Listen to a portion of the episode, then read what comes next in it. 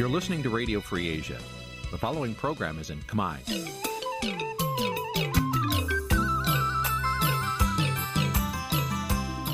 នេះជាកម្មវិធីផ្សាយ Vuthu Azizi Serai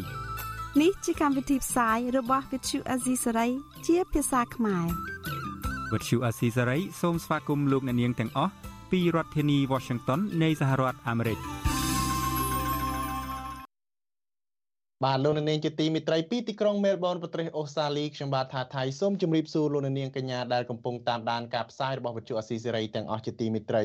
យើងខ្ញុំសូមជូនកម្មវិធីផ្សាយសម្រាប់យប់ថ្ងៃពុធ13រោចខែមករាឆ្នាំខាលចត្វាស័កពុទ្ធសករាជ2566ត្រូវនឹងថ្ងៃទី21ខែធ្នូគ្រិស្តសករាជ2022បាទជាដំបូងនេះសូមអញ្ជើញលោកនាងស្ដាប់ព័ត៌មានប្រចាំថ្ងៃដែលមានមេត្តាដូចតទៅ។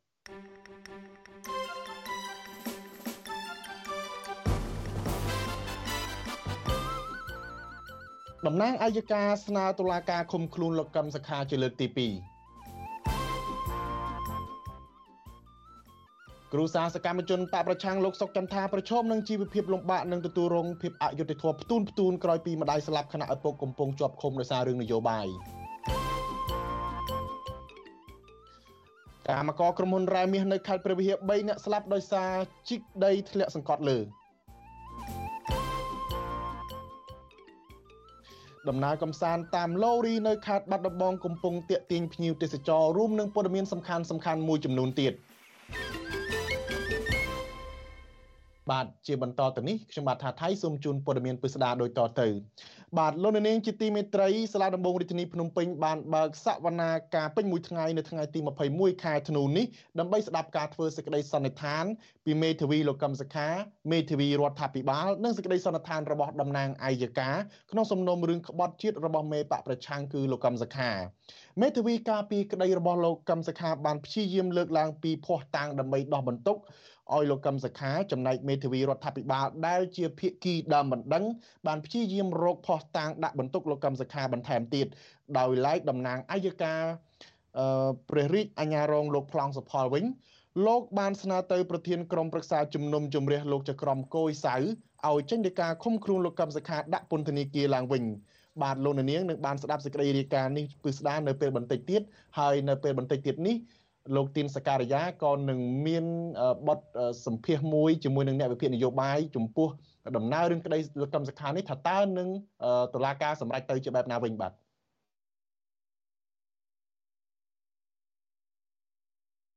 បាទលោកនាងជាទីមេត្រីអ្នកជំនាញសេដ្ឋកិច្ចលើកឡើងថាលោកនាយករដ្ឋមន្ត្រីហ៊ុនសែនមិនសម្រេចបំណងរបស់ខ្លួនក្នុងការស្ដារទំនាក់ទំនងដៃគូពាណិជ្ជកម្មជាមួយសហភាពអឺរ៉ុបឡើយ ក្រៅពីបង្ហាញរូបភាពកែនមនុស្សឲ្យមកទទួលលោកនៅទីក្រុងប្រុចសែលប្រទេសបែលហ្សិកកាលពីពេលថ្មីថ្មីនេះអតីតរដ្ឋមន្ត្រីក្រសួងសេដ្ឋកិច្ចនិងហិរញ្ញវត្ថុលោកសំរងស៊ី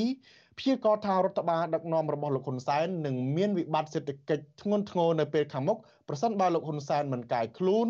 ឬមិនងាកមកស្ដារប្រជាធិបតេយ្យនិងសិទ្ធិមនុស្សទៅតាមលក្ខខណ្ឌរបស់សហភាពអឺរ៉ុបទេនោះ បាទថាតើរបបដឹកនាំរបស់លោកហ៊ុនសែននឹងជួបវិបត្តិសេដ្ឋកិច្ចបែបណាបាទនៅយប់ថ្ងៃប្រហ័សស្អែកនេះលោកសំរៀងស៊ីនឹងមកបកស្រាយប្រធានបទនេះបាទសូមលោកអ្នកនាងរងចាំទេសនាបទសម្ភាសអំពីបញ្ហានេះកុំបីខានបាទកម្មវិធីនេះគឺនឹងសម្របសម្រួលដោយលោកជុនច័ន្ទបុត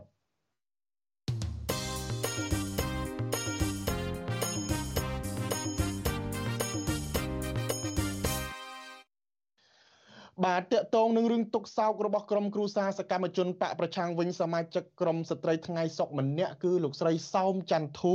ដែលតែងតែចូលរួមយ៉ាងសកម្មទាមទារតវ៉ាអហិង្សាឲ្យរដ្ឋាភិបាលដោះលែងប្តីលោកស្រីគឺលោកសុកចន្ទថា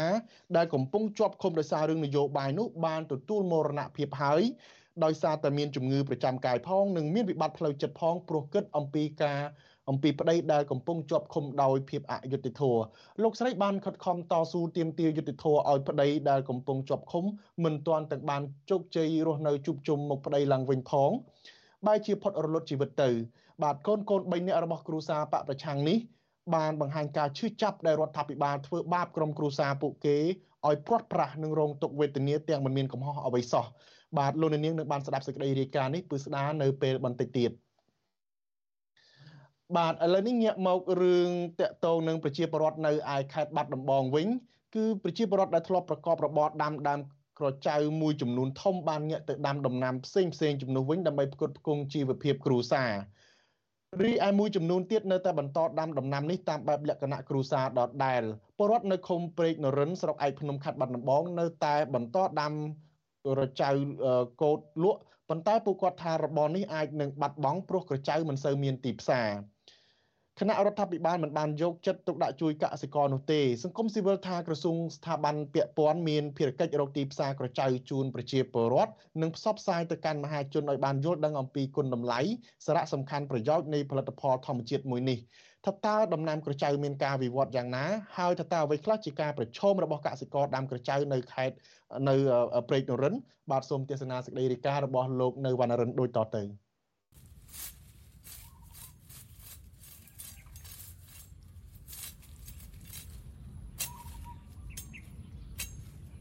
លោកស្រីយ៉ាន់យឿនពលរដ្ឋរស់នៅក្នុងឃុំព្រែកនរិនស្រុកឯកភ្នំខេត្តបាត់ដំបងស្ត្រីវ័យ63ឆ្នាំ និងស្វាមី លោកវឿនសាវឿតកំពុងមមាញឹកនៅក្នុងការប្រមូលផលក្រចៅដែលដាំនៅលើផ្ទៃដីជិតកន្លះហិកតា ដើម្បីផលិតជាក្រចៅកោត ឬខ្សែក្រចៅ សម្រាប់គុតគង់ទីផ្សារក្នុងស្រុក ក្រុមគ្រួសារលោកស្រីយ៉ាន់យឿនគឺក្នុងចំណោមពលរដ្ឋប្រមាណ20គ្រួសារក្នុងឃុំព្រែកនរិន ដែលនៅតែបន្តរក្សារបរដាំដើមក្រចៅដើម្បីផ្គត់ផ្គង់ជីវភាពរស់នៅក្រោយពីរោងចក្រក្រចៅដ៏ធំរបស់កម្ពុជានៅក្នុងខេត្តបាត់ដំបងបានបិទទ្វារកាលពីដើមទសវត្សរ៍ឆ្នាំ1990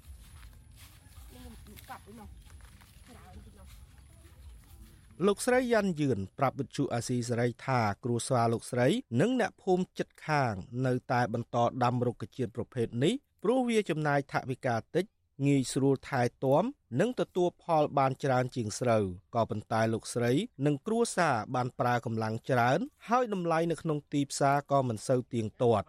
លោកស្រីថាតម្លៃក្រចៅស្ងួតនាពេលបច្ចុប្បន្នធ្លាក់មកនៅត្រឹម8000រៀលតែប៉ុណ្ណោះក្នុង1គីឡូក្រាមបើធៀបទៅនឹងតម្លៃ12000រៀលកាលពីជាង3ឆ្នាំមុនអើយចៅវាមិនសូវសម្បូរអញ្ចេះចំណូលបានគួរសមដែរបើថាសម្បូរក៏វាថោកទៅក៏យ៉ាប់ធ្វើដែរចាបើដាំបានច្រើនដល់ទៅជា100 បាន2ប៊ីលាន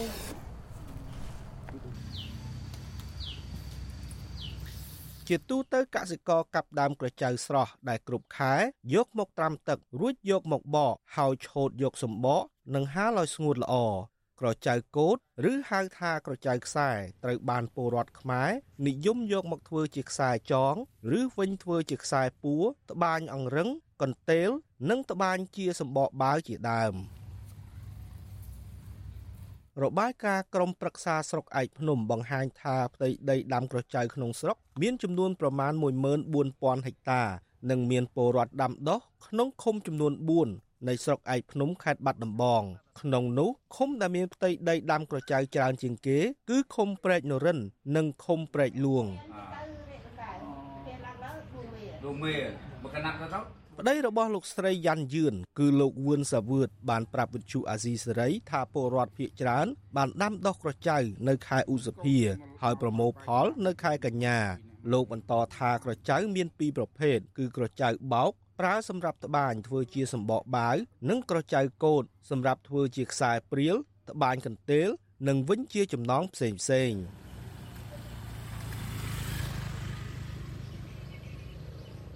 ពលរដ្ឋម្នាក់ទៀតរស់នៅក្នុងឃុំព្រែកនរិន គឺលោកស្រីខាមីដែលបន្តដាំដំណាំនេះជាលក្ខណៈគ្រួសារតពីឪពុកម្ដាយក្មេកឲ្យដឹងថាគ្រួសាររបស់នាង រកចំណូលបានប្រមាណ5លានរៀលក្នុងឆ្នាំ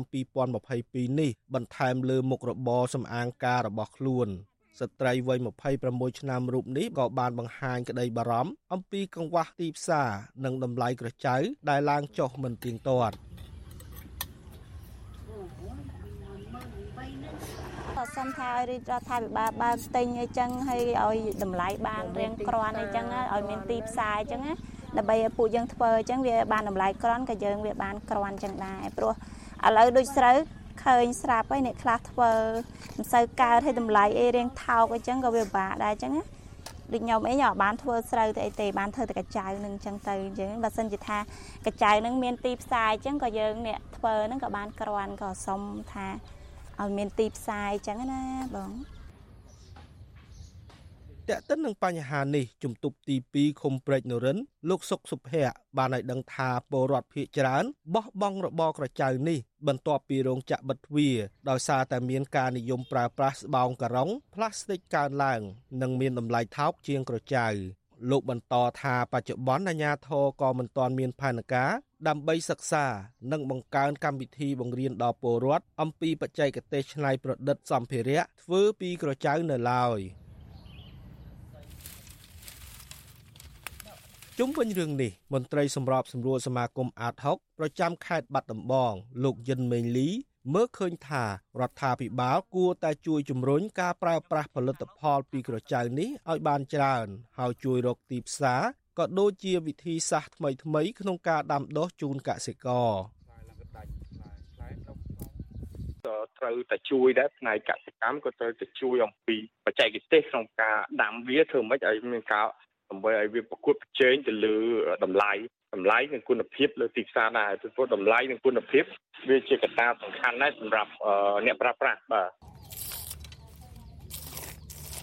គ្រួសាររបស់លោកស្រីយ៉ាន់យឿននិងលោកវឿនសាវឿតដែលដាំក្រចៅនេះតាំងពីឆ្នាំ1990មកនៅតែជំនះដាំដំណាំនេះជាលក្ខណៈគ្រួសារដើម្បីផ្គត់ផ្គង់ជីវភាពខ្លួនទោះជាមានការប្រឈមច្រើនយ៉ាងណាក្តីពួកគេសង្ឃឹមថាថ្ងៃណាមួយទីផ្សារផលិតផលក្រចៅនឹងមានតម្លៃឡើងវិញខ្ញុំបាទនៅវណ្ណរិន អាស៊ីសេរីពីរដ្ឋធានី Washington បាទលោកនាងជាទីមេត្រីនៅក្នុងការបាទលោកនាងជាទីមេត្រីនៅក្នុងការអញ្ជើញទៅធ្វើជាសហប្រធាននៃកិច្ចប្រជុំកំពូលសហភាពអឺរ៉ុបនិងអាស៊ានលោកហ៊ុនសែនបានទទួលជោគជ័យយ៉ាងធំធេងក្នុងការចាត់ចែងកែនមនុស្សឲ្យទៅសម្ដែងការគ្រប់គ្រងលោកយ៉ាងកកកក៏ប៉ុន្តែសំណួរសំខាន់មួយសម្រាប់ប្រទេសកម្ពុជាវិញនោះ គឺថាតើលោកមានជោគជ័យដែរឬទេក្នុងការស្ដារទំនាក់ទំនងដៃគូពាណិជ្ជកម្មជាមួយនឹងសហភាពអឺរ៉ុបលោកសំរងស៊ីមេបកប្រឆាំងនិងជាអ្នកជំនាញសេដ្ឋកិច្ចព្យាករថារដ្ឋាភិបាលរបស់លោកហ៊ុនសែននឹងមានវិបត្តិសេដ្ឋកិច្ចធ្ងន់ធ្ងរនៅពេលខាងមុខប្រសិនបើលោកហ៊ុនសែនមិនកែខ្លួនឬមិនងាកមកស្ដារប្រជាធិបតេយ្យនិងសិទ្ធិមនុស្សទៅតាមលក្ខខណ្ឌរបស់សហភាពអឺរ៉ុបទេនោះបាទនៅយប់ថ្ងៃប្រហ័សស្អែកនេះលោកសំរងស៊ីនឹងមកបកស្រាយវែកញែកអំពីបញ្ហានេះបាទសូមលោកអ្នកនាងរងចាំស្ដាប់ នឹងទេសនាកិច្ចសម្ភារនេះកុំបីខានបាទកិច្ចសម្ភារនេះនឹងសម្របសម្រួលដោយលោកជុនច័ន្ទបុត បាទលោកនាងជាទីមេត្រីតកតងទៅរឿងកម្មករក្រុមហ៊ុនរ៉ែមាសខេត្តព្រះវិហារខេត្តព្រះវិហារវិញចំនួន3នាក់បានស្លាប់ដោយសារបាក់រណ្ដៅដីមន្ត្រីសង្គមស៊ីវិលនិងជនជាតិដើមភាគតិចគួយទាមទារឲ្យអាជ្ញាធរខេត្តព្រះវិហារស៊ើបអង្កេតពីភាពមិនប្រក្រតីនៃអាជីវកម្មរ៉ែមាសខុសច្បាប់នៅតែបន្តកើតមានច្រើននៅតំបន់ភ្នំលុងឃុំរំបទុមស្រុករវៀងបាទការលើកឡើងនេះក្រោយពីមានកម្មករ3នាក់បានស្លាប់ក្នុងពេល ជីករករ៉ែមាសក្នុងរណ្ដៅដីជម្រៅរាប់សិបម៉ែត្របាទលោកសេបណ្ឌិតរាយការណ៍ព័ត៌មាននេះសង្គមស៊ីវិលនិងពលរដ្ឋថាអាញាធរនៅតែព្យាយាមលាក់បាំងព័ត៌មានអំពីករណីស្លាប់ពលរដ្ឋក្នុងរណ្ដៅដីជីករ៉ែមាសនៅតំបន់ភ្នំលុងតំបន់ភ្នំលុងស្ថិតនៅក្នុងឃុំរំទុំស្រុករវៀងខេត្តព្រះវិហារដែលធ្លាប់មានរឿងអាស្រូវបាក់ដីកប់មនុស្សយ៉ាងហោចណាស់7នាក់ស្លាប់ក្នុងរណ្ដៅដី កាលពីពេលកន្លងទៅក៏ប៉ុន្តែបាតុភិបនេះ បានស្ងប់ស្ងាត់មួយរយៈធំដោយពុំមានស្ថាប័នណាមួយទទួលខុសត្រូវលើអាយុជីវិតរបស់ប្រជាពលរដ្ឋនោះឡើយជនជាតិដើមភាគតិចគួយរស់នៅតំបន់ភ្នំលុងលោកស្រីយឹមផាត ប្រាប់បទសុអសីស្រី នៅថ្ងៃទី21ធ្នូថាពេលនេះតំបន់ភ្នំលុងនៅតែមានសកម្មភាពជីករ៉ែមាសខុសច្បាប់ជាច្រើនកន្លែងទៀតដែលក្រុមហ៊ុន និងក្រុមអ្នកមានអំណាចខុបខិតជាមួយនឹងអាជ្ញាធរមូលដ្ឋានរុករករ៉ែមាស និងចម្រាញ់រ៉ែមាសជាបន្តបន្ទាប់ដោយមានកម្លាំងកម្មករជាច្រើនអ្នកលោកស្រីបញ្ជាក់ថា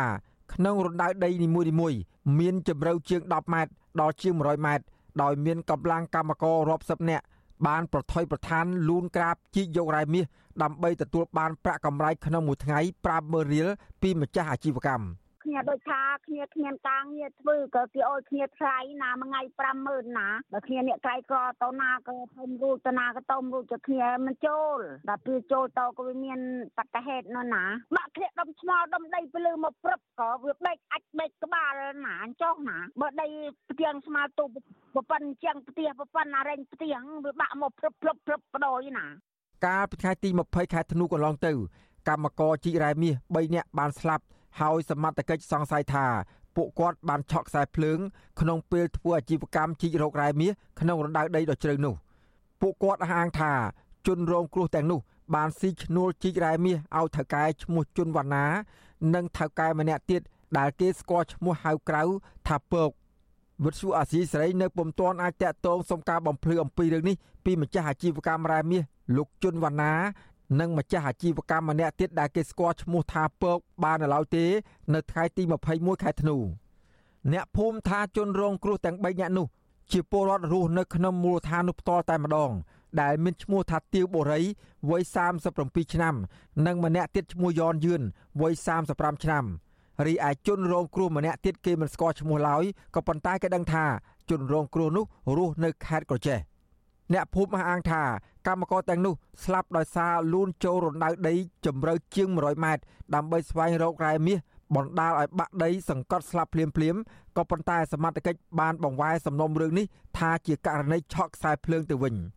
វត្តស៊ូអាស៊ីសេរីនៅពុំទាន់អាចតាក់ទងសុំការបំភ្លឺអំពីរឿងនេះពីស្នងការនគរបាលខេត្តព្រះវិហារលោកសួសសុកតារានិងអ្នកនាំពាក្យសាលាខេត្តព្រះវិហារ លោកយ៉ងកំហៀងបាននៅឡើយទេ នៅថ្ងៃទី21ខែធ្នូដោយទូរស័ព្ទហៅចូលច្រើនដង តែពុំមានអ្នកទទួលចំណែកអភិបាលស្រុករវៀងលោកហៅប៊ុនហួរនិងអ្នកនាំពាក្យក្រសួងរ៉ែលោកអឹងឌីបូឡាក៏មិនទាន់អាចតាក់ទងបានដែរនៅថ្ងៃដដែលនេះក៏ប៉ុន្តែអ្នកនាំពាក្យក្រសួងរ៉ែរូបនេះបានថ្លែងនៅក្នុងសារសិទ្ធិសារព័ត៌មានមួយ កាលពីខែសីហាកន្លងទៅ ថាអាញាធរពពាន់បានបង្ក្រាបទីតាំងរ៉ែមាសខុសច្បាប់ គ្រប់តំបន់ទូទាំងប្រទេសអស់ទាំងស្រុងហើយក៏ប៉ុន្តែអាចនៅសេសសល់តិចតួចចំពោះរណ្ដៅជីករករ៉ែមាសនៅតាមផ្ទះតូចតូចលោកបញ្ជាក់ថាកន្លងទៅក្រសួងរ៉ែបានធ្វើប្រតិភូកម្មឬផ្ទេរការងារឲ្យអាជ្ញាធរថ្នាក់ក្រោមជាតិមានសិទ្ធិផ្ដល់អាជ្ញាប័ណ្ណតូចតូចឬអាជ្ញាប័ណ្ណចល័តឲ្យម្ចាស់អាជីវកម្មរ៉ែមាសធ្វើការបង្ក្រាបនោះអស់ បាទសឹងតែអស់ទៅហើយតាមដងទលេលែងមានទៀតតាមភ្នំអាជីវកម្មថ្មអីតាមភ្នំក៏លែងមានដែររីឯ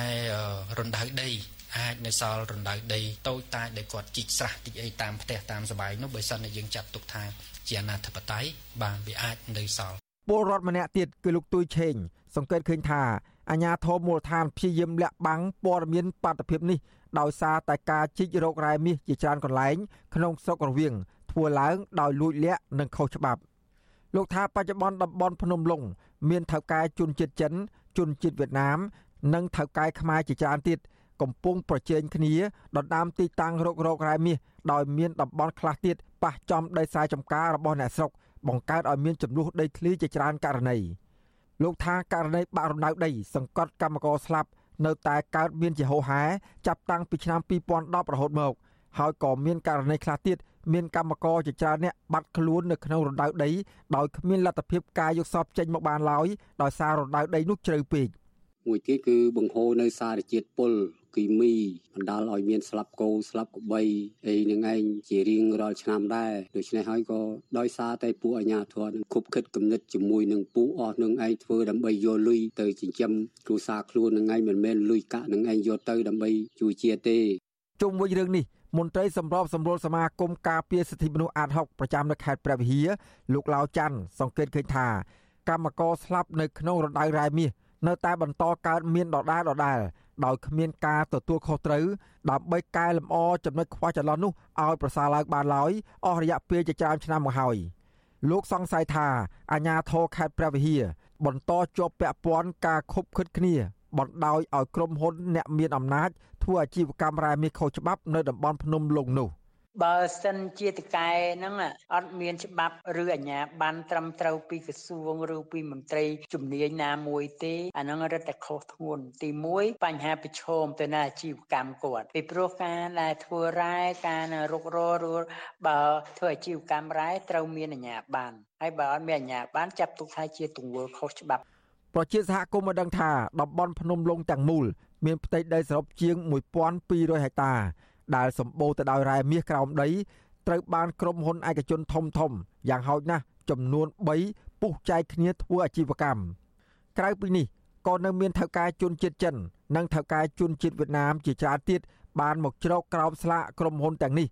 និងជួលអ្នកមានអំណាចឲ្យកាងអាជីវកម្មឲ្យខ្លួនដែលកំពុងធ្វើសកម្មភាពនៅភូមិខាងកើតនិងភូមិខាងជើងនៃភ្នំឡុងទន្ទឹមគ្នានេះតំបន់នោះមានទាហាននៅឈរចាំផ្លូវដើម្បីហាមឃាត់ពលរដ្ឋឬអ្នកសារព័ត៌មានមិនឲ្យចូលទៅក្នុងតំបន់នោះបានឡើយខ្ញុំបាទសេកបណ្ឌិតវុទ្ធុអាស៊ីសេរីពីរដ្ឋធានីវ៉ាស៊ីនតោន បាទលោកនាងជាទីមេត្រីគ្រូសាសកម្មជនបកប្រឆាំងលោកសុកចន្ទថាដែលកំពុងជាប់ឃុំនៅក្នុងពន្ធនាគារប្រឈមនឹងបញ្ហាជីវភាពលំបាកក្រោយពីម្ដាយបានស្លាប់ខណៈឪពុកកំពុងជាប់ឃុំក្នុងពន្ធនាគារដោយសាររឿងនយោបាយមន្ត្រីសង្គមស៊ីវិលយល់ថាតុលាការគូតែដោះលែងគ្រូសាអ្នកជប់ឃុំនយោបាយដើម្បីឲ្យពួកគេបានរស់នៅជួបជុំគ្នាឡើងវិញបាទអ្នកស្រីម៉ៅសុធានីរាយការណ៍ព័ត៌មាននេះ កូនកូនរបស់សកម្មជនបពប្រឆាំងលោកសុកចន្ទថា កំពុងរៀបចំបន្សពបដាយអ្នកស្រីសោមចន្ទធូ ដែលបានស្លាប់ដោយសារជំងឺប្រចាំកាយកាលពីថ្ងៃទី20ខែធ្នូពួកគាត់បានដឹងថាបន្ទាប់ពីម្ដាយស្លាប់ទៅជីវភាពគ្រួសារជួបការលំបាកព្រោះគ្មានអ្នករកប្រាក់ផ្គត់ផ្គង់គ្រួសារដោយសារឪពុកក៏ជាប់ពន្ធនាគារហើយខ្លាចជាកូនកំព្រាគ្មានទីពឹង ពួកគេសង្ឃឹមថាតឡាការនឹងដោះលែងលោកឪពុក ដើម្បីអាចមករស់នៅជួបជុំក្រុមគ្រួសារនិងមើលថែទាំកូនកូនកូនកូនរបស់អ្នកស្រីសោមចន្ទធូសោកស្ដាយដែលថ្ងៃជូនដំណើរម្ដាយជាលើកចុងក្រោយតែគ្មានវត្តមានរបស់លោកឪពុកពិធីបុណ្យសពអ្នកត្រីសំចន្ទធូដែលមានអាយុជាង50ឆ្នាំ មានសាច់ញាតិនិងប្រជាប្រដ្ឋចូលរួមជាង140នាក់ហើយសពក៏ត្រូវបានដង្ហែទៅបូជានៅវត្តទូសមាធិ នៅក្នុងភូមិ5ស្រុកពីមរខេត្តព្រៃវែងកូនប្រុសរបស់សកម្មជនបពប្រឆាំងដែលកំពុងជាប់ឃុំលោកសុកចន្ទថាគឺលោកសុកចម្រើនប្រាប់បច្ចុប្បន្នស៊ីសេរីនៅថ្ងៃទី21ខែធ្នូថាលោកឈឺចាប់ដែលឪពុកត្រូវបានចាប់ដាក់ពន្ធនាគារហើយម្ដាយក៏ស្លាប់ចោលទៀតលោកថាលោកនិងម្ដាយតែនាំគ្នាដើរលក់សណ្ដែកដីស្ងោដើម្បីសន្សំប្រាក់ទិញអង្ករនិងសម្ភារៈមួយចំនួនយកទៅសួរសុខទុក្ខឪពុកនៅពន្ធនាគារត្រពាំង plong លោកបន្តថាអ្នកម្ដាយរបស់លោករាល់ថ្ងៃសុកតែនាំគ្នាទៅស្រែកទាមទារឲ្យដោះលែងលោកឪពុកដើម្បីអាចមករស់នៅជួបជុំក្រុមគ្រួសារឡើងវិញលោកសុកចម្រើនថាការចាប់ប្រកាន់ឪពុករបស់លោកថាជាជនក្បត់ជាតិគឺជារឿងអយុត្តិធម៌លោកបញ្ជាក់ថាក្រោយពីរៀបចំបន់សពម្ដាយរួចលោកនៅតែបន្តទៀមទាឲ្យតុលាការដោះលែងឪពុកឲ្យចេញពីពន្ធនាគារដោយដែលម្ដាយធ្លាប់ធ្វើកន្លងមក ប៉ានៅក្នុងគោកហើយម៉ែនៅខាងក្រៅហើយមិនទាន់នឹងអីផងម៉ែក៏លាចាក់លោកពីកូនមកទៅហើយព្រោះថ្ងៃនេះខ្ញុំនៅក្នុងផ្ទះនៅតែ3នាក់បងប្អូនមីងម៉ងមីងម៉ងមើលហើយគាត់ផ្ដាំផ្ញើខ្ញុំមើលបងប្អូនហើយនិយាយពីការឈឺចាប់ការឈឺចាប់បង វាលើសពីការគិតទៀតណាបងគាត់វាលឿនពេកខ្ញុំខំប្រាប់គាត់តស៊ូម៉ែម៉ែតស៊ូឡើងម៉ែណាប៉ាមិនទាន់ចេញពីគុកទេម៉ែខំប្រឹងឡើងម៉ែមើលតិចទៀតប៉ានឹងបានចេញហើយដល់ពេលគាត់ឆ្លើយតបមកខ្ញុំវិញគាត់ថាម៉ែទៅលេងរួយហើយកូនម៉ែហត់ណាម៉ែហត់ណាម៉ែដើរស្រែកតបថាសូមឲ្យជួយគាត់ថាគាត់ហត់គាត់ក៏ទៅលេងរួយដល់ពេលហើយបេះដូងគាត់លេងដំណើរការលោកសុកចន្ទថានិងលោកស្រីសំចន្ទធូមានកូន3នាក់ប្រុស2នាក់និងស្រី1នាក់ ដែលរស់នៅជុំគ្នានៅក្បែរស្ពានអ្នកលឿងនៅខេត្តព្រៃវែងចំណែកក្រមស្ត្រីថ្ងៃសុកកញ្ញាហេងបរិយវិញថ្លែងថាគឺជារឿងសង្វែកនិងរន្ធត់ជាទីបំផុត ដែលបានទទួលដំណឹងពីការបាត់បង់លោកស្រីសោមចន្ទធូកញ្ញាថាលោកស្រីគឺជាមនុស្សល្អទោះបីគាត់មិនសូវមានចំណេះចេះដឹងខ្ពង់ខ្ពស់ក៏ប៉ុន្តែគាត់មានឆន្ទៈនិងមនសិការហ៊ានលះបង់ដើម្បីគ្រួសារនិងយុត្តិធម៌សង្គម កញ្ញាថាគាត់តែងតែចែករំលែកនិងយកអាសាអ្នកជុំវិញខ្លួនហើយមិនដែលទុកអ្នកដតីចោលឡើយក្នុងពេលដែលអាញាធរបង្ក្រាបម្ដងម្ដង។ ពួកខ្ញុំពិតជាមានការរន្ធត់ចិត្តយ៉ាងខ្លាំងវាហាក់ដូចជាលឿនពេកដែលត្រូវបាត់បង់រូបគាត់ទៅទាំងដែលពួកយើងខំតស៊ូជាមួយគ្នារយៈពេល73ឆ្នាំមកហើយហើយគាត់ទៅបាត់ទាំងដែលគាត់មិនទាន់បានទទួលយុត្តិធម៌នៅឡើយហើយខ្ញុំយល់ថារដ្ឋាភិបាលគួរតែដោះលែងប្តីរបស់គាត់ដូចជាអ្នកទោសមនសិការទាំងអស់ឲ្យមានសេរីភាពឡើងវិញពីព្រោះពួកគាត់សុទ្ធតែជាបុគ្គលស្អាតស្អំមិនមានទោសកំហុសដោយដែលតុលាការបានចោទប្រកាន់នោះទេ វត្តឈូអសីស្រីមិនអាចតាក់ទងแนะនាំពាក្យសាឡាតូរាជធានីភ្នំពេញលោកប្លង់សំណាងនិងអ្នកស្រីស្រេងសូយេតដើម្បីឆ្លើយតបជំវិញរឿងនេះបានទេនៅថ្ងៃទី21ខែធ្នូប៉ុន្តែអ្នកនាំពាក្យគណៈបកប្រជាជនកម្ពុជាលោកសុកអេសាន ថាទស្សនវិជ្ជានយោបាយនិងផ្លូវច្បាប់គឺដាច់ដោយឡែកពីគ្នាពីព្រោះតឡាការអនុវត្តទៅតាមច្បាប់ លោកថាការយល់ឃើញថាករណីនេះគឺជារឿងនយោបាយនោះគឺជាការយល់ឃើញក៏ប៉ុន្តែមិនមែនជាការអនុវត្តច្បាប់ឡើយបើយើងនិយាយចឹងវាហាក់ដូចជាការដែលគាត់វិបាកលក្ខខណ្ឌមកលើរដ្ឋាភិបាលឬមកលើតឡាការបើមិនដោះលែងនេះគាត់តវ៉ាតទៅទៀតមានណាបិទសិទ្ធគាត់អានឹងជាសិទ្ធិនយោបាយរបស់គាត់ទេបើគាត់តវ៉ាគាត់តវ៉ាទៅឲ្យតវ៉ាត្រូវច្បាប់តែបើតវ៉ាត្រូវច្បាប់ឬក៏ប៉ុណ្្នឹង ជុំវិញរឿងនេះនាយកទទួលបន្ទុកកិច្ចការទូតនៃអង្គការលីកាដូលោកអំសំអាត មានប្រសាសន៍ថាករណីនេះគួរឲ្យអាណិតអាសូរចំពោះក្រុមគ្រួសារលោកសុកចន្ទថាដែលបានបាត់បង់ប្រពន្ធលោកថាលោកស្រីសំចន្ទធូជួបការលំបាកច្រើនដែលត្រូវចិញ្ចឹមកូននិងធ្វើដំណើរទៅសួរសុខទុក្ខប្តីនៅឯពន្ធនាគារផ្លូវឆ្ងាយខណៈដែលខ្លួនមានជំងឺប្រចាំកាយថែមទៀត លោកបន្តថារដ្ឋាភិបាលនិងតុលាការគួរបន្ធូរបន្ថយទោសនិងដោះលែងពួកគាត់ដើម្បីឲ្យបានជួបជុំក្រុមគ្រួសារនិងធ្វើការរកប្រាក់ចំណូលចិញ្ចឹមកូនកូន ខ្ញុំយល់ថាដើម្បីបញ្ចប់វិបត្តិនយោបាយដូចជាភាពរងគ្រោះនៃសកម្មជននយោបាយតទៅទៀតវាមានតែអ្នកនយោបាយខ្មែរទាំងអស់ត្រូវតែមានការចែកចែកគ្នាតាមការបន្តនៃវប្បធម៌សន្តានាឬក៏ការចែកចែកគ្នាដោយការគោរពគ្នាទៅវិញទៅមកការប្រកាន់នៅឧត្តមគតិរបស់ខ្លួនដោយតម្កល់នៅឧត្តមប្រយោជន៍ជាតិឧត្តមប្រយោជន៍ប្រជាពលរដ្ឋជាធំដើម្បីបញ្ចប់នៅវិបត្តិដែលសេសសល់នឹងដូចជាបំបត្តិនៅវប្បធម៌នៃការរងទុកនៃសកម្មជននយោបាយតទៅទៀតសមាជិកប្រតិបត្តិគណៈបកសង្គ្រោះជាតិខេត្តព្រៃវែងលោកសុកចន្ទថាត្រូវបានសមត្ថកិច្ចឡោមព័ទ្ធចាប់ខ្លួននៅផ្ទះរបស់លោក កាលពីថ្ងៃទី20ខែមេសាឆ្នាំ2020ដោយចោទពីបទញុយយងឲ្យប្រព្រឹត្តបទអក្រិតជាអាតនិងរួមកំណត់ក្បត់លោកត្រូវបានតឡាការផ្តន្ទាទោសដាក់ពន្ធនាគារ5ឆ្នាំជាមួយសកម្មជនបពប្រឆាំងចំនួន13នាក់ផ្សេងទៀត ក៏ប៉ុន្តែទោសនេះត្រូវអនុវត្តក្នុងពន្ធនាគារចំនួន3ឆ្នាំ8ខែ ហើយទោសនៅសល់ត្រូវបានព្យួរសាច់ញាតិនិងមន្ត្រីសង្គមស៊ីវិលជំរុញអរដ្ឋាភិបាលនិងអ្នកនយោបាយខ្មែរពន្លឿនបញ្ចប់វិបត្តិនយោបាយកុំឲ្យសកម្មជន និងអ្នកពាក់ព័ន្ធរងគ្រោះកាន់តែច្រើនហើយទាមទារឲ្យដោះលែងអ្នកទោសមនសិការដែលកំពុងជាប់ឃុំដោយអយុត្តិធម៌ដើម្បីស្ដារមុខមាត់កម្ពុជាលើឆាកអន្តរជាតិឡើងវិញ។ ចាននាងខ្ញុំម៉ៃសុធានីវັດឈូអាស៊ីស្រីប្រធានាធិបតី Washington បាទលោកនាងជាទីមេត្រីតកតងនឹងរឿងនេះយើងបានភ្ជាប់ទូរស័ព្ទទៅកូនប្រុសរបស់លោកស្រីសមចន្ទធូគឺលោកសុកចម្រើនហើយយើងក៏បានភ្ជាប់តាមវីដេអូ Skype ជាមួយនឹងតំណាងស្ត្រីថ្ងៃសុកគឺលោកស្រីព្រំចន្ទថាដើម្បីឲ្យគាត់ចូលរួមជាមួយយើងនៅរាត្រីនេះបាទសូមជម្រាបសួរអ្នកទាំងពីរបាទចាជំរាបសួរបាទ បាទជំរាបសួរបងបាទអរគុណអឺលោកសុកចម្រើនបាទខ្ញុំសូមចូលរួមរំលែកទុកហើយក៏សូមបួងសួងឲ្យដួងវិញ្ញាណក្ខន្ធរបស់ម្ដាយរបស់លោកបានទៅកាន់សុគតិភពបាទអឺ លោកសុកចម្រើនយើងដឹងអំពីអារម្មណ៍របស់លោកប្រកាសជាក្តុកក្តួលរំជួលចិត្តខ្លាំងណាស់តាក់ទងទៅនឹងការបាត់បង់ម្ដាយជាទីស្រឡាញ់របស់លោកដែលតែងតែទៀមទាតស៊ូយុទ្ធធរដល់ឪពុករបស់លោកដែលបានជាប់ពន្ធនាគារដោយសាររឿងនយោបាយនេះអឺចង់ដឹងបន្តិចទេថាតើមកដល់ពេលនេះការរៀបចំទុកដាក់បូជាសពរបស់គាត់នឹងបានយ៉ាងណាទៅហើយបាទឥឡូវនេះដែរពួកខ្ញុំ កំពុងឲ្យនៅអង្គុយចាំពេលវេលាដែលរើសឆ្អឹងគាត់បាទព្រោះឥឡូវដុតដុតអឺទៅបដាបដាហើយតាចាគាត់កំណត់ពេលវេលាម៉ោង5ម៉ោង5ឲ្យចាំអឺទៅយកឆ្អឹងគាត់អញ្ចឹងហើយពួកខ្ញុំអត់មានទៅណាទេពួកខ្ញុំនៅក្បែរមេនហ្នឹងចាំរើសឆ្អឹងម៉ែ អឺតកតងនឹងមរណភាពរបស់ម្ដាយលោកនេះតើឪពុករបស់លោកនៅឯពន្ធនាគារនឹងបានដឹងដំណឹងនេះហើយឬនៅបានមកដល់ពេលនេះបានខ្ញុំ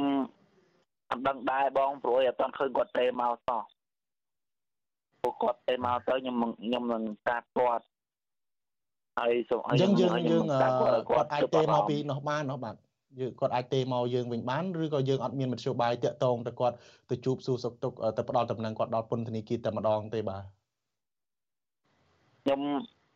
ខ្ញុំតរធ្វើបន់ហើយឲ្យម៉ែខ្ញុំហើយសិនបាទខ្ញុំអាចទៅប្រាប់តាខ្ញុំបានព្រោះខ្ញុំអត់មានពេលទេបងខ្ញុំតែម្នាក់ឯងខ្ញុំចាត់ចែងបន់ម៉ែខ្ញុំហើយ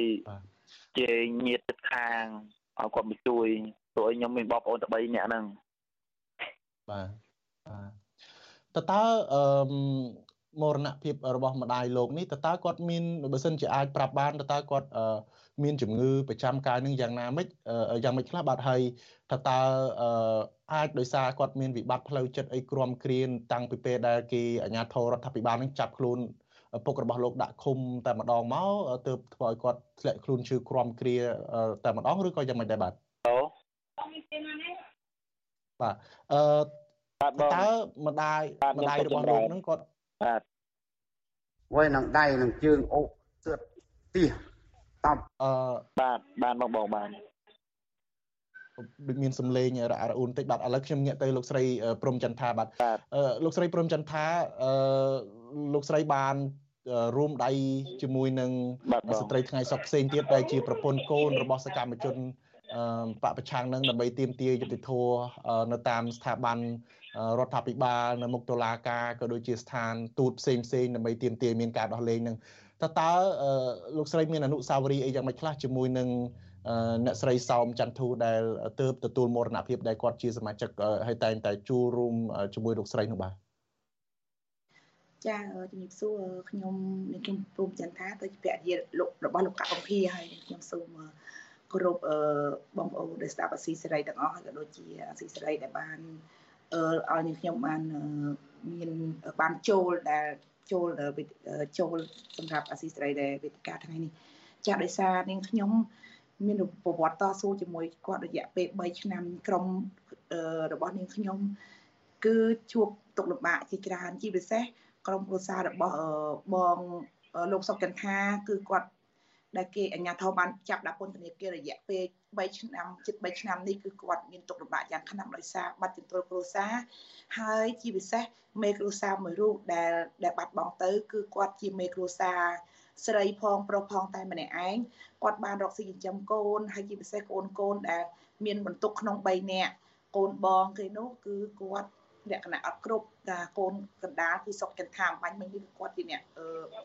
ដុកម្ដាយមកតវ៉ាគ្រប់សកម្មភាពទាំងអស់ដែលពួកខ្ញុំតវ៉ារាល់សប្ដាហ៍មិនដែលបានសម្រាប់សប្ដាហ៍ទេគឺសប្ដាហ៍នេះដែលគាត់បានសម្រាប់គឺគាត់បានលាចាក់លោកដែលពួកខ្ញុំអាចទួលយកបានហើយជីវិតគាត់គឺមានទុក្ខលំបាកយ៉ាងខ្លាំងដោយសារគាត់អំរែកធ្ងន់ហើយជាពិសេសគាត់ធ្វើការងារធ្ងន់ទៀតជាពិសេសគាត់ទៅរាវលះលក់ជីវិតគាត់លំបាកយ៉ាងខ្លាំងជាពិសេសគាត់ដើរលក់សណ្ដែកដីឬក៏ចង្រិតលីងតឡនតនអីតាមផ្ទះ អ្នកភូមិគ្រប់គ្នាទាំងអស់ជាពិសេសកូនគាត់លក់ផ្សេងគាត់ជិះកង់លក់ផ្សឹងអញ្ចឹងជីវិតគាត់លំបាកយ៉ាងខ្លាំងហើយក៏ខ្ញុំគិតថាហេតុអ្វីបានជារដ្ឋាភិបាលក៏ដូចជាសម្ដេចហ៊ុនសែនប្រព័ន្ធតារាការទាំងអស់ដែលចាប់ប្តីរបស់ពួកខ្ញុំក៏ដូចជាបងសុកចិត្តថាទៅដែលអត់មានកំហុសសោះជាសុខប្រព័ន្ធតារាការតែម្ដងអញ្ចឹងពួកខ្ញុំរងទោសលំបាកយ៉ាងខ្លាំងសម្រាប់សម្រាប់ពួកគាត់ដែលបាត់បង់ជីវិតទៅការតស៊ូរបស់ គាត់នឹងខ្ញុំគឺវាដិតដាមបំផុតហើយខ្ញុំមិនអាចទទួលយកបានទេគឺវារហ័សមែនតែនហើយអត់មានទទួលបានយុត្តិធម៌ផងវាទៅជាបែកគាត់ស្លាប់ចោលគ្រួសារទៀតហើយមុននឹងស្លាប់នឹងគាត់បានទៅសួរសុខទុក្ខគ្រួសាររបស់គាត់នៅក្នុងពន្ធនាគារតាពាំងខ្លងមកវិញគាត់មានអារម្មណ៍ហាក់ដូចជាធ្ងន់ធ្ងរដិតដាមយ៉ាងខ្លាំងដោយសារតាពាំងខ្លងនោះគឺគាត់មានគេធ្វើបាបធ្វើទុកបុកម្នេញអ្នកទោសអ្នកសកាទាំងអស់ដែលបំបត្តិសិទ្ធិសេរីភាពហើយធ្វើបាបពួកគាត់ ទាំងផ្លូវកាយទាំងផ្លូវចិត្តទៀតនិយាយរួមទៅ វាពិបាកទទួលយកយ៉ាងខ្លាំងចំពោះក្រុមគ្រួសារខ្ញុំទាំងអស់គ្នាវាហេតុផលនៃការតស៊ូមតិរបស់ពួកខ្ញុំគឺតស៊ូដោយសន្តិវិធីដើម្បីរកដំណោះស្រាយជូនក្រុមគ្រួសារក៏ប៉ុន្តែហេតុអីក៏រដ្ឋាភិបាលឬក៏ប្រព័ន្ធតុលាការ មិនឯករាជ្យមិនសុក្រិតមិនយុត្តិធម៌នឹងដោះលែងក្រុមគ្រួសាររបស់ពួកខ្ញុំមានសេរីភាពឡើងវិញដើម្បីបន្តការធ្វើនយោបាយរបស់ពួកគាត់នឹងរកស៊ីចិញ្ចឹមប្រពន្ធកូនឡើងវិញគាត់ក៏មានកំហុសអ្វីបានចាប់ពួកគាត់អត់កំហុសសោះហើយនិយាយរួមទៅខ្ញុំឃើញទស្សនវិជ្ជាបែបនេះខ្ញុំទទួលយកបានទេគឺខ្ញុំទម្លាក់បន្ទុកទាំងអស់ទៅរដ្ឋាភិបាល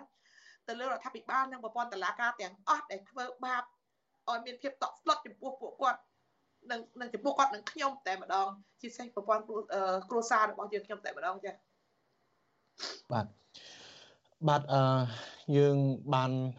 ដឹងគ្រប់គ្នាទាំងគ្រូសារបស់លោកស្រីសំចន្ទធូទាំងលោកគ្រូសារបស់លោកស្រីព្រមចិត្តថាផ្ទាល់យើងឮយើងឃើញទុកសោករបស់ពួកគាត់នឹងជាហោហែបន្តបន្តមកអឺ ករណីគ្រូសាររបស់លោកស្រីព្រំចន្ទថាផ្ទាល់នឹងក្រោយពេលដែលគេចាប់ប្តីដាក់ពន្ធនាគារហើយនឹងកូនរបស់លោកស្រីនឹងក៏ត្រូវបានអាជ្ញាធរចាប់ដាក់ពន្ធនាគារដែរអឺហើយក៏ត្រូវបានគេវាយធ្វើបាបទៅទៀតមិនត្រឹមតែចាប់ទេកូនរបស់លោកស្រីដែលមានជំងឺ autism ពីកំណើតហ្នឹងក៏ត្រូវបានអាជ្ញាធរចាប់ខ្លួនពីរដងលើកទី1ហ្នឹងវាយដំកដាលមុខផងដើម្បីសួរចម្លើយហើយលើកទី2ហ្នឹងចាប់ឃុំ អស់រយៈពេលជាច្រើនខែទម្រាំដោះលែងវិញមកដល់ពេលនេះនឹងក៏មិនទាន់ទម្លាក់ចោលការចាត់ប្រកាន់ដែរដោយសារតែការចាប់ខ្លួនការធ្វើទុកបុកម្នេញនេះកើតឡើងនៅពេលដែលលោកស្រីនិងកូនប្រុសតែងដឹកដៃគ្នាទៅចូលរួមតវ៉ាទាមទារយុត្តិធម៌ឲ្យឪពុករបស់ខ្លួនបាទ អឺងាកមករឿងលោកសុកចន្ទថានេះអឺលោកសុកចន្ទថាត្រូវបានអាជ្ញាធររដ្ឋាភិបាលលោកហ៊ុនសែនចាប់ដាក់ពន្ធនាគារកាលពីខែមេសាឆ្នាំ2020នៅពេលដែលមានការរីករាលដាលនៃជំងឺ Covid-19 ហើយករណីរបស់លោកនេះគឺថាមេអាជ្ញាធរមូលដ្ឋានហ្នឹងបានហៅគាត់ឲ្យទៅជួបដើម្បីជជែកគ្នាក៏ប៉ុន្តែ នៅពេលដែលលបួងឲ្យគាត់ទៅជួបជជែកគ្នាពិភាក្សារឿងការងារហ្នឹងក៏ស្រាប់តែមានកងកម្លាំងនឹងត្រៀមចាប់ដាក់ អូសលោកដាក់ឡានហើយដឹកយកទៅក្រសួងមហាផ្ទៃហើយឃុំខ្លួនតែម្ដងបាទអឺតាមកូនប្រុសរបស់លោកបានរៀបរាប់ប្រាប់ហ្នឹងគឺថាឪពុករបស់លោកហ្នឹងគឺអឺ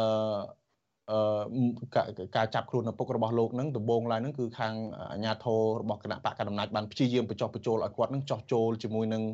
គណៈបកកណ្ដាលអំណាចតែគាត់មិនព្រមចោះចូលគាត់នៅតែរក្សាភាពស្មោះស្ម័គ្រជាមួយនឹងគណៈបក សង្គ្រោះជាតិដែលធ្វើឲ្យអាជ្ញាធរប្រមានគាត់ថាបើមិនចោះចូលទេនឹងមានតែចូលគុកហើយទីបំផុតទៅក៏ចាប់ពួកគាត់ដាក់ពន្ធនាគារហើយម្ដាយរបស់លោកក៏តែងតែតស៊ូច្រើនណាស់នៅពេលដែលបាត់បង់ប្តីដែលជាបកគោលគ្រួសារនឹងប្រពន្ធក៏ចាប់ផ្ដើមធ្វើកិច្ចការងារសពបែបយ៉ាងដើម្បីចិញ្ចឹម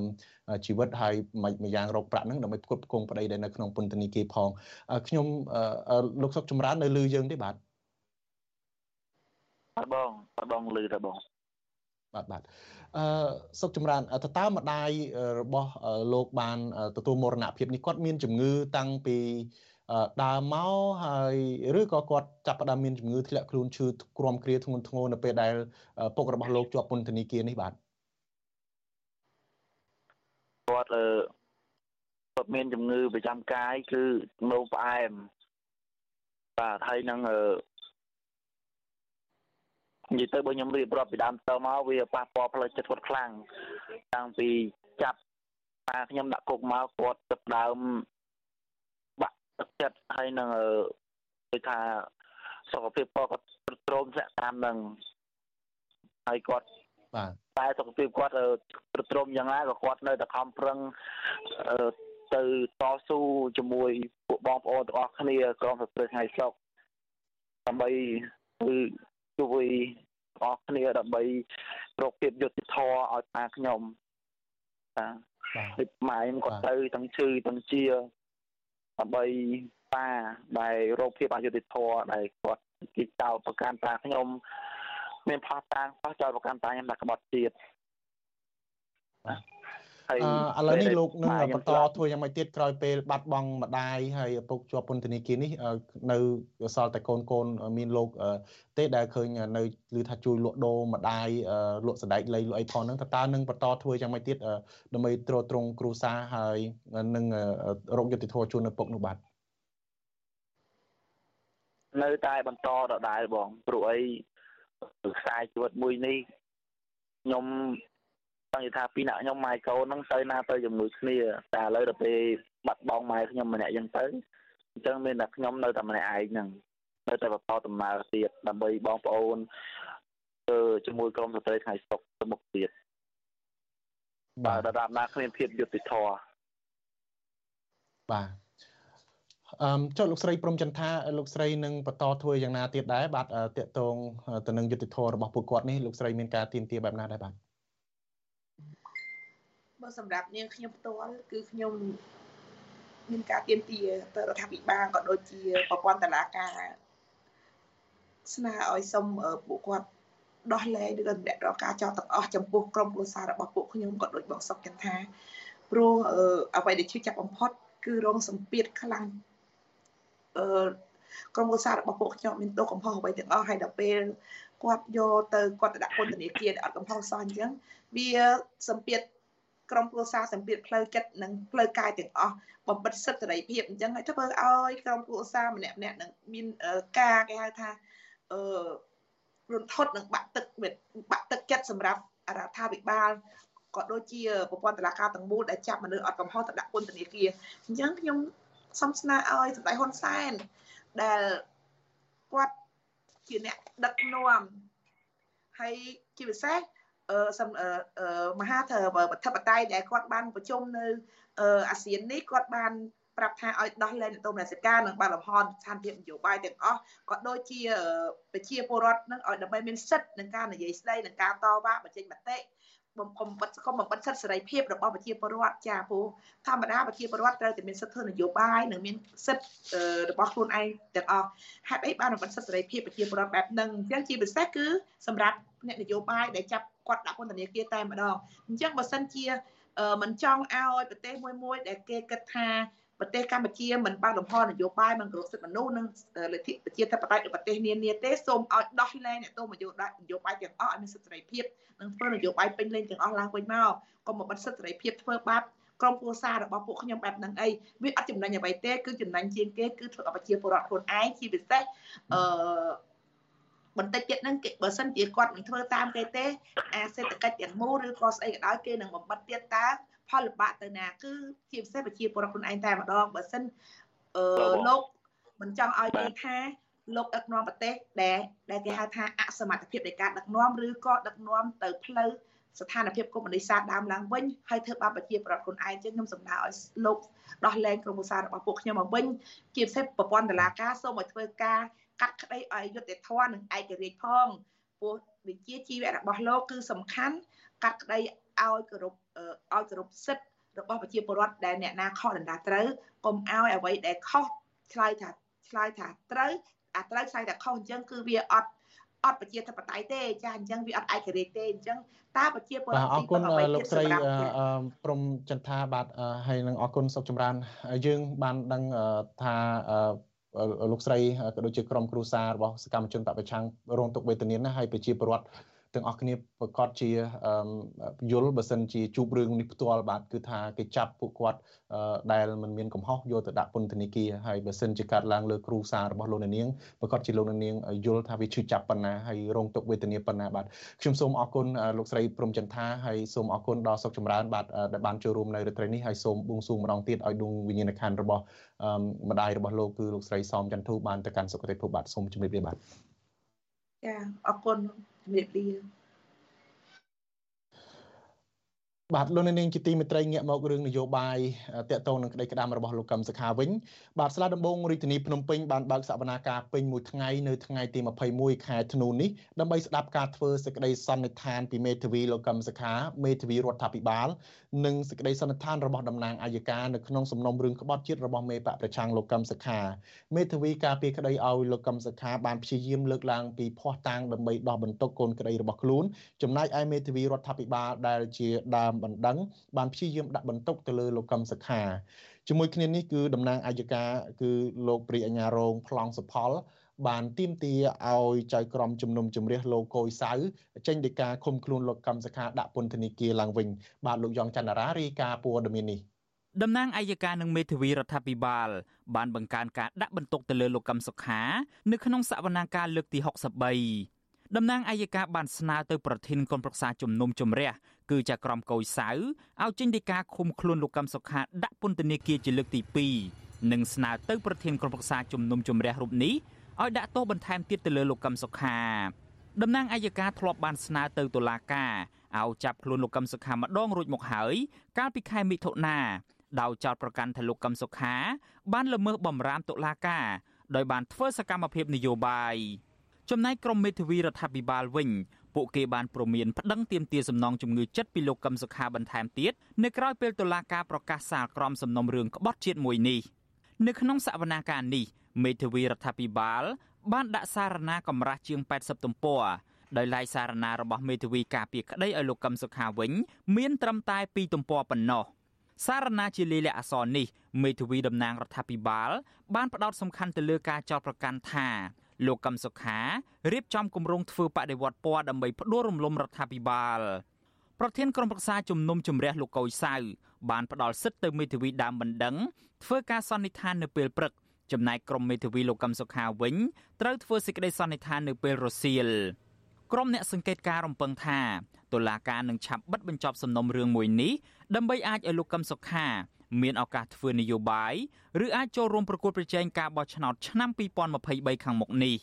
សវនាការនេះក៏មានការឃ្លាំមើលពីតំណាងស្ថានទូតបរទេសនិងតំណាងអង្គការសហប្រជាជាតិប្រចាំនៅកម្ពុជាតំណាងអង្គការសង្គមស៊ីវិលក្នុងស្រុកនិងអ្នកសារព័ត៌មានផងដែរចំណែកនៅក្រៅរបងតុលាការវិញក្រុមអ្នកគាំទ្រលោកកឹមសុខាប្រមាណ30នាក់បានប្រមូលផ្ដុំគ្នាផ្ដាល់ជាកម្លាំងចិត្តដល់រូបលោកដោយសវនាការលើកមុនមុនដែរ ស្របពេលសមត្ថកិច្ចបានរឹតបន្តឹងសន្តិសុខតឹងតែង នៅជុំវិញបរិវេណតុលាការប្រធានគណៈបកប្រជាធិបតេយ្យមូលដ្ឋាន GDP លោកយេងវិរៈដែលមកឃ្លាំមើលសវនាការនេះរិះគន់ថាដំណើរការនៃការកាត់ក្តីសំណុំរឿងនេះបានអូសបន្លាយជាង5ឆ្នាំមកហើយធ្វើឲ្យលោកកឹមសុខារងភាពអយុត្តិធម៌លោកយេងវិរៈចង់ឃើញតុលាការឆាប់កាត់ក្តីបញ្ចប់សំណុំរឿងនេះហើយផ្ដល់ភាពស្អាតស្អំដល់លោកកឹមសុខាឡើងវិញ វាយូរមែនតើវាខុសខុសប្រក្រតីហ្នឹងហើយន័យថាតើកាលណាហៅថាដំណើរការក្នុងការរកយុត្តិធម៌ហ្នឹងវាយឺនយ៉ាវវាអូសបន្លាយពេលវេលាវាអូសកាលាយូរមានន័យថាគឺថាត្រូវបានគេគិតថាចាត់ទុកថាគឺជាអត់ចង់ឲ្យយុត្តិធម៌ទេចង់ឲ្យយុត្តិធម៌ឲ្យទេស្រដៀងគ្នានេះដែរនាយកទទួលបន្ទុកកិច្ចការទូតនៃអង្គការសិទ្ធិមនុស្សលីកាដូលោកអំសំអាតដែលមានក្រុមការងារតាមដានសវនាការនេះដែរយល់ឃើញថា សំណុំរឿងនេះនៅតែស្ថិតក្រោមសម្ពាធពីអ្នកនយោបាយដដែល មន្ត្រីសិទ្ធិមនុស្សរូបនេះយល់ថាប្រសិនបើការសម្រេចសេចក្តីរបស់តុលាការធ្វើឡើងនៅក្នុងស្ថានភាពមួយដែលមិនទាន់មានដំណោះស្រាយនយោបាយគឺពិបាកនឹងរំពឹងថាលោកកឹមសុខាអាចនឹងរួចផុតពីការចោទប្រកាន់នេះណាស់ បើយើងយោងទៅមើលសាវនាការរាប់ឆ្នាំកន្លងមកដែលតកតនឹងរឿងនេះយើងជាអ្នកតាមដានយើងមើលទៅវាហាក់ដូចជាមិនមានផុសតាងឲ្យបានគ្រប់គ្រាន់ក្នុងការចោទប្រកាន់ទៅលើអដាមកម្មសខាណាតុលាការក្រុងភ្នំពេញដែលមានចៅក្រមភិកច្រើនជាសមាជិកគណៈបកប្រជាជនកម្ពុជារបស់លោកហ៊ុនសែនបានចោទប្រកាន់ប្រធានគណៈបកសង្គ្រោះជាតិលោកកឹមសុខាពីបទសន្តិទិភាពឬការត្រូវរើគ្នាជាមួយរដ្ឋបរទេស ដើម្បីបដូររំលំរដ្ឋាភិបាលក៏ប៉ុន្តែមតិជាតិនិងអន្តរជាតិរីគុណថាការចោទប្រកាន់ទៅលើលោកកឹមសុខា គឺជាការចោទប្រកាន់ដែលគ្មានមូលដ្ឋាន និងជំរុញទៅរដ្ឋាភិបាលលោកហ៊ុនសែនអនុញ្ញាតឲ្យមេបកប្រឆាំងរូបនេះមានសិទ្ធិធ្វើនយោបាយឡើងវិញដើម្បីអាចចូលរួមប្រកួតប្រជែងការបោះឆ្នោតឆ្នាំ2023ខាងមុខនេះខ្ញុំយ៉ងច័ន្ទដារាវិទ្យុអាស៊ីសេរីរាយការណ៍ពីរដ្ឋធានី Washington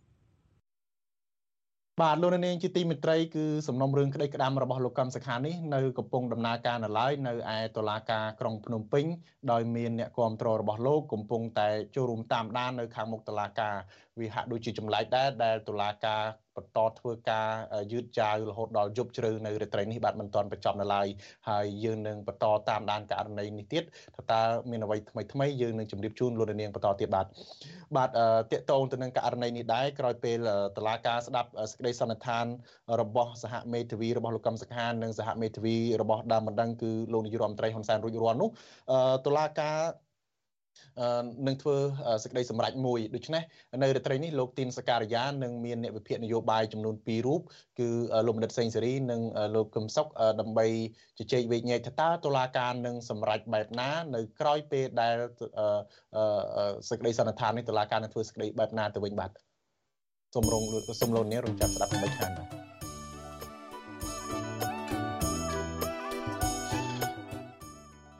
បាទដំណើរគ្នានឹងស្ដាប់ការផ្សាយរបស់វិទ្យុអាស៊ីសេរីតាមបណ្ដាញសង្គម Facebook និង YouTube លោកនាងក៏អាចស្ដាប់កម្មវិធីផ្សាយរបស់វិទ្យុអាស៊ីសេរីតាមរយៈរលកធាតុអាកាសខ្លីឬ Shortwave តាមកម្រិតនិងកម្ពស់ដូចតទៅនេះពេលព្រឹកចាប់ពីម៉ោង5កន្លះដល់ម៉ោង6កន្លះតាមរយៈប៉ុស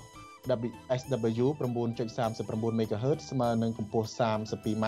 និងប៉ុស SW 11.88 MHz ស្មើនឹងកម្ពស់ 25m ពេលយប់ ចាប់ពីម៉ោង7កន្លះដល់ម៉ោង8កន្លះតាមរយៈប៉ុស SW 9.39 MHz ស្មើនឹងកម្ពស់ 32m ប៉ុស SW 11.88 MHz ស្មើនឹងកម្ពស់ 25m និងប៉ុស SW 15.15 MHz ស្មើនឹងកម្ពស់ 20m សូមអរគុណ បាទលោកនាងជាទីមេត្រីងាកទៅចាប់អារម្មណ៍តាក់ទងទៅនឹងការអញ្ជើញរបស់លោកនាយករដ្ឋមន្ត្រីហ៊ុនសែនទៅធ្វើជាសហប្រធាននៃកិច្ចប្រជុំកំពូលសហភាពអឺរ៉ុបនិងអាស៊ានវិញលោកហ៊ុនសែនទទួលបានជោគជ័យយ៉ាងធំធេងក្នុងការចាត់ចែងកែនមនុស្សឲ្យទៅសម្ដែងការគាំទ្រលោកយ៉ាងច្រើនកកកតែសំណួរសំខាន់មួយសម្រាប់ប្រទេសកម្ពុជាវិញនោះថាតើ លោកមានជោគជ័យដែរឬទេក្នុងការស្ដារទំនាក់ទំនងដៃគូពាណិជ្ជកម្មជាមួយនឹងសហភាពអឺរ៉ុបលោកសំរងស៊ីជាមេបកប្រឆាំងនិងជាអ្នកជំនាញសេដ្ឋកិច្ចព្យាករថារដ្ឋាភិបាលរបស់លោកហ៊ុនសែននឹងមានវិបត្តិសេដ្ឋកិច្ចធ្ងន់ធ្ងរនៅពេលខាងមុខ ប្រសិនបើលោកហ៊ុនសែនមិនកែខ្លួនឬមិនងាកមកស្ដារប្រជាធិបតេយ្យនិងការគោរពសិទ្ធិមនុស្សទៅតាមលក្ខខណ្ឌរបស់សហភាពអឺរ៉ុបបាទនៅយប់ថ្ងៃប្រហ័សស្អែកនេះលោកសំរងស៊ីនឹងមកបកស្រាយវែកញែកអំពីបញ្ហានេះសូមលោកនាងរងចាំទស្សនាបទសម្ភាសន៍នេះកុំបីខានបាទកម្មវិធីនេះនឹងសម្របសម្រួលដោយលោកជុនច័ន្ទបុត បាទលោកនាងជាទីមេត្រីប្រជាកសិករនៅតាមបណ្ដាខេត្តមួយចំនួនព្រួយបារម្ភចំពោះផលិតកម្មកសិកម្មរបស់ពួកគាត់លក់បានតម្លៃថោកនិងគ្មានទីផ្សារនាំចេញបើទោះបីជារដ្ឋាភិបាលតែងអះអាងថាប្រទេសចិនជាទីផ្សារសម្រាប់ទទួលផលិតផលរបស់កសិករខ្មែរក៏ដោយអ្នកជំនាញផ្នែកវិស័យកសិកម្មបន្តស្នើដល់រដ្ឋាភិបាល ជួយរកទីផ្សារសម្រាប់កសិករបន្ថែមទៀតព្រោះការរំពឹងទីផ្សារនាំចេញផលិត ផលទៅកាន់ប្រទេសចិនតែមួយនឹងមិនអាចជួយប្រជាកសិករខ្មែរទទួលបានភាពកក់ក្ដៅនោះទេ បាទលោកមានរិទ្ធរាយការណ៍ព័ត៌មាននេះប្រជាកសិកររស់នៅតាមបណ្ដាខេត្តមួយចំនួន លើកឡើងថាបញ្ហាខ្វះទីផ្សារនិងតម្លៃទិន្នផលកសិកម្មចុះថោកធ្វើឲ្យពួកគាត់បាក់ទឹកចិត្តនៅក្នុងការដាំដុះកសិកររិះគន់ថាការធ្វើដំណាំកសិកម្មក្នុងការនាំចេញទៅទីផ្សារពួកគាត់នៅតែប្រឈមបញ្ហាច្រើនដោយសារតែគ្មានកិច្ចគាំពារពីរដ្ឋាភិបាល។ កសិករដាំមៀនម្នាក់នៅខេត្តបៃលិនលោកប្រេងស្រៀងប្រាវិសុយស៊ីស្រីនៅថ្ងៃទី21ខែធ្នូថាការនាំចេញផ្លែមៀនទៅកាន់ប្រទេសចិននារយៈពេលចុងក្រោយនេះពុំមានភាពរាំងស្ទះនោះទេហើយតម្លៃក៏ប្រសើរជាងមុនដោយមាន1គីឡូឈ្មួញឲ្យតម្លៃជាង3000រៀលខណៈកាលពីឆ្នាំកន្លងទៅ1គីឡូលក់បានត្រឹមតែជាង1000រៀលតែប៉ុណ្ណោះលោកតូនតែថាតម្លៃនេះមិនទាន់ធ្វើឲ្យប្រជាកសិករមានជីវភាពប្រសើរនោះទេ ព្រោះកសិករបានខ្ចីប្រាក់ពីធនាគារច្រើនដើម្បីធ្វើជាទុនដាំដុះ ការផលិតវាត្រូវការប្រើប្រាស់ជីថ្នាំវិស័យកសិកម្មហ្នឹងវានៅថ្លៃហើយនៅក្នុងស្រុកបរិមាណការផលិតហ្នឹងគឺវានៅកម្រិតខ្ពស់ថ្លៃខ្ពស់ហើយការផលិតបានហើយទីផ្សារលក់ចេញហ្នឹងក៏វាវាអត់ទីគ្នាប្រហែលណាវាគាត់ថាទីសងទីសងទេអញ្ចឹងណាឥឡូវនេះកសិករមួយចំនួនជាច្រើនគាត់បុលទៅធនាគារអញ្ចឹងសូមឲ្យវារដ្ឋាភិបាលជួយដល់ការគ្រប់គ្រងទៅលើទុនការប្រាក់ទាប លោកប្រេងស្រៀងបន្ថែមទៀតថាបច្ចុប្បន្នបើទោះបីជាការនាំចេញមានទៅកាន់ប្រទេសចិនហាក់មានភាពល្អប្រសើរក៏ដោយក៏លោកថាបើរដ្ឋាភិបាលអាចជួយរកទីផ្សារបន្ថែមឬរកអ្នកវិនិយោគនៃបណ្ដាប្រទេសផ្សេងទៀតនោះប្រជាកសិករអាចនឹងទទួលបានភាពកក់ក្ដៅជាងបច្ចុប្បន្ននេះក្រៅពីនេះលោកក៏ស្នើដល់រដ្ឋាភិបាលឲ្យជួយផ្ដល់ទំនុកបំរុងផ្នែកដើមទុនដល់កសិករ ទប់ស្កាត់តម្លៃជីឡើងថ្លៃនិងត្រូវបង្កើតប្រភពទឹកបន្ថែមទៀតរបាយការណ៍របស់ក្រសួងពាណិជ្ជកម្មឲ្យដឹងកាលពីថ្ងៃទី15ខែធ្នូថាផ្លែមៀនស្រស់របស់កម្ពុជាជាច្រើនតោនត្រូវបាននាំចេញទៅលក់នៅក្រុងសៀងហៃនៃប្រទេសចិននិងទទួលបានការគ្រប់គ្រងពីប្រជាជនចិន បញ្ជាទិញរហូតដល់ជាង18តោនក្រសួងពាណិជ្ជកម្មថានេះគឺជាសញ្ញាណល្អមួយសម្រាប់កសិករខ្មែរ និងលែងភ័យព្រួយបារម្ភរឿងពិបាករកទីផ្សារសម្រាប់លក់នារដូវប្រមូលផល ហើយអ្វីដែលប្រជាកសិករត្រូវធ្វើគឺត្រូវប្រើប្រាស់បច្ចេកទេសក្នុងការផលិតមៀនឲ្យបានត្រឹមត្រូវរីឯកសិករម្នាក់ទៀតធ្វើស្រែនៅខេត្តបាត់ដំបងថ្លែងសុំមិនបញ្ចេញឈ្មោះឲ្យដឹងថាលោកខកចិត្តចំពោះតម្លៃស្រូវឆ្នាំនេះស្របពេលទិន្នផលស្រូវរបស់លោកប្រមូលផលបានតិចតួចដោយសារតែទឹកចំនួនលេចខូចលោកបន្ថែមថាលោកក៏ជួបបញ្ហាវិបត្តិគ្មានទីផ្សារ ហើយថ្ងៃខ្លះឈ្មួញក្នុងស្រុកទិញឲ្យតម្លៃថោកដោយ1គីឡូលក់មិនបាន1000រៀលផងសេដ្ឋកិច្ចក្នុងប្រទេសខ្មែរយើងវាពិបាកវាពិបាកប៉ាន់ស្មានទាំងការប៉ាន់ស្មានទាំងការវិនិច្ឆ័យគោលបំណងជាបរដ្ឋឬក៏កកសម្រាប់ដាំដុះហ្នឹងចង់បានតម្លៃសមរម្យតែវាអ្វីក៏ដោយវាបានដោយគោលបំណងអញ្ចឹងណាបង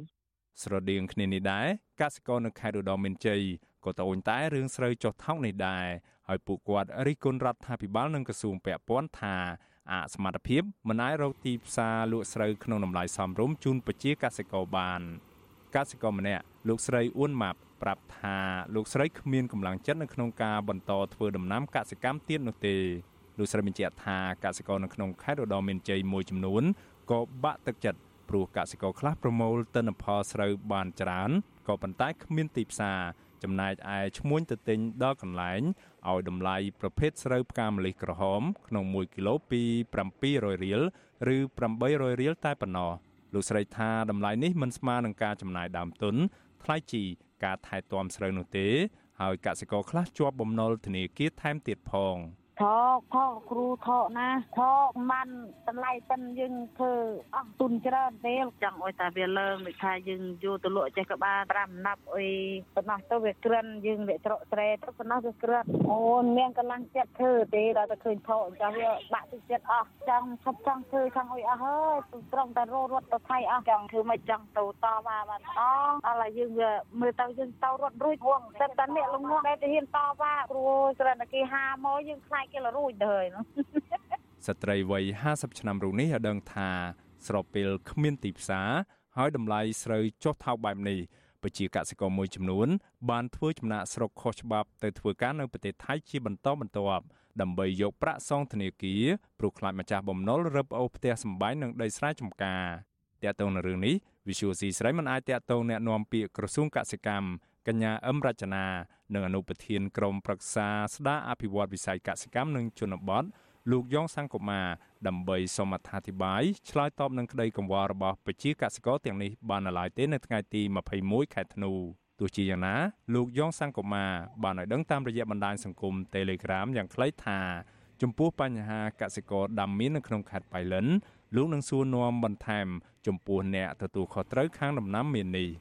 ជុំវិញរឿងនេះ ប្រធានសម្ព័ន្ធសហគមន៍កសិករកម្ពុជា លោកថេងសវឿនលើកឡើងថាបើរដ្ឋាភិបាលនិងក្រសួងពាក់ព័ន្ធគ្មានយន្តការច្បាស់លាស់ក្នុងការដោះស្រាយបញ្ហាកសិករជួបការលំបាកនៅក្នុងការធ្វើកសិកម្មនេះទេនោះពួកគាត់នឹងបាក់ទឹកចិត្តម្យ៉ាងវិញទៀតលោកថាប្រជាកសិករក៏កាន់តែជួបនៅការលំបាកនៅក្នុងការរកចំណូលសងបំណុលធនាគារនៅក្នុងគ្រាដែលពួកគាត់ប្រមូលផលដំណាំក៏ប៉ុន្តែគ្មានទីផ្សារនាំចេញ និងមានតម្លៃថោកបែបនេះលោកថេងសវឿនថារដ្ឋាភិបាលគួរតែបង្កើនថវិកាជាតិសម្រាប់រៀបចំផ្ដល់កិច្ចគាំពារដល់ប្រជាកសិករខ្មែរបន្ថែមទៀតដើម្បីកាត់បន្ថយការចំណាយដើមទុនរបស់ប្រជាកសិករ កាលណាទុកពួកគាត់ឲ្យនៅតែបន្តរងនៅផលប៉ះពាល់នៃការខាតបង់ដោយសារតែការដាំដុះនិងផលិតក្នុងវិស័យកសិកម្មធ្វើឲ្យគាត់បាក់ទឹកចិត្តហើយមួយវិញទៀតធ្វើឲ្យជីវភាពរបស់គាត់មិនប្រសើរឡើងហើយកាលណាជីវភាពមិនប្រសើរឡើងអត្រានៃការបោះបង់ឈប់ផលិតឬក៏ឈប់ដាំដុះលើវិស័យកសិកម្មហ្នឹងកាន់តែមានការថបថយចុះហើយនៅពេលដែលមានការថបថយចុះវាធ្វើឲ្យខាតបង់ទៅលើសេដ្ឋកិច្ចទាំងគ្រួសាររបស់បងប្អូនប្រជាពលរដ្ឋនិងខាតបង់លើសេដ្ឋកិច្ចសហគមន៍និងសេដ្ឋកិច្ចរបស់ប្រទេសជាតិ ប្រជាកសិករនិងអ្នកជំនាញផ្នែកវិស័យកសិកម្មបន្តអំពាវនាវដល់រដ្ឋាភិបាល និងស្ថាប័នពាក់ព័ន្ធគួររកវិធីសាស្ត្រយ៉ាងណាដោះស្រាយបញ្ហាតម្លៃស្រូវចុះថោកដល់កសិករឲ្យបានទាន់ពេលវេលា និងផ្ដល់កិច្ចគាំពារដល់ប្រជាកសិករដើម្បីកុំឲ្យពួកគេបោះបង់ចោលមុខរបរធ្វើស្រែនិងផ្នែកដំណាំកសិកម្មផ្សេងៗទៀតព្រមទាំងទប់ស្កាត់ករណីប្រជាកសិករខ្មែរ ធ្វើចំណាក់ស្រុកទៅធ្វើការនៅក្រៅប្រទេសដោយសារតែតម្លៃផលិតផលកសិកម្មចុះថោកនិងគ្មានទីផ្សារលក់នៅក្នុងតម្លៃសមរម្យខ្ញុំបាទមេរិត Visual C ស្រីរាយការណ៍ពីរដ្ឋធានី Washington បាទលោកនាងជាទីមេត្រីលោកនាងដែលកំពុងតាមដានការផ្សាយរបស់យើងតាមរយៈរលកធាតុអាកាសខ្លីឬក៏ Shortwave តាមអឺ បណ្ដាញសង្គមនៅម៉ោង8:30នាទីនេះលោកនាងនៅមិនលឺយើងទេប៉ុន្តែលោកនាងដែលកំពុងតាមដានការផ្សាយរបស់យើងតាមបណ្ដាញសង្គម Facebook និង YouTube សូមលោកនាងនៅបន្តជាមួយយើងបាទហើយកម្មវិធីជាបន្តទៀតនេះគឺលោកទីនសការីយ៉ានឹងសម្របសម្រួលកិច្ចពិភាក្សា មួយជាមួយនឹងអ្នកវិភាគនយោបាយពីររូបតាក់ទងទៅនឹងតើតុលាការក្រុងភ្នំពេញ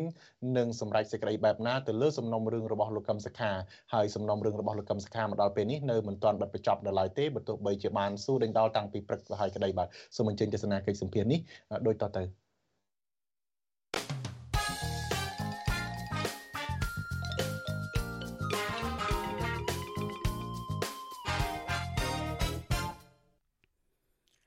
បាទខ្ញុំបាទទីនសាករិយាសូមជម្រាបសួរលោកនាងកញ្ញាទាំងអស់ជាទីគោរពរាប់អានបាទដោយដែលលោកថាថៃបានជ្រាបជូនអំបញ្ញមិញនេះហើយនៅវគ្គបន្ទាប់នេះយើងនឹងមាននៃវិភាគពីររូបដែលនឹងមកជជែកអំពីថាតើតឡាការនឹងសម្រេចទៅលើសំណុំរឿងលោកកម្មសខានឹងទៅជាបែបណា បាទហើយវាគ្មិនដែលចូលរួមនៅក្នុងកិច្ចពិភាក្សារបស់យើងនៅពេលនេះយើងមានលោកបណ្ឌិតសេងសេរីហើយនិងលោកកឹមសុខបាទខ្ញុំបាទសូមជម្រាបសួរលោកទាំងពីរបាទ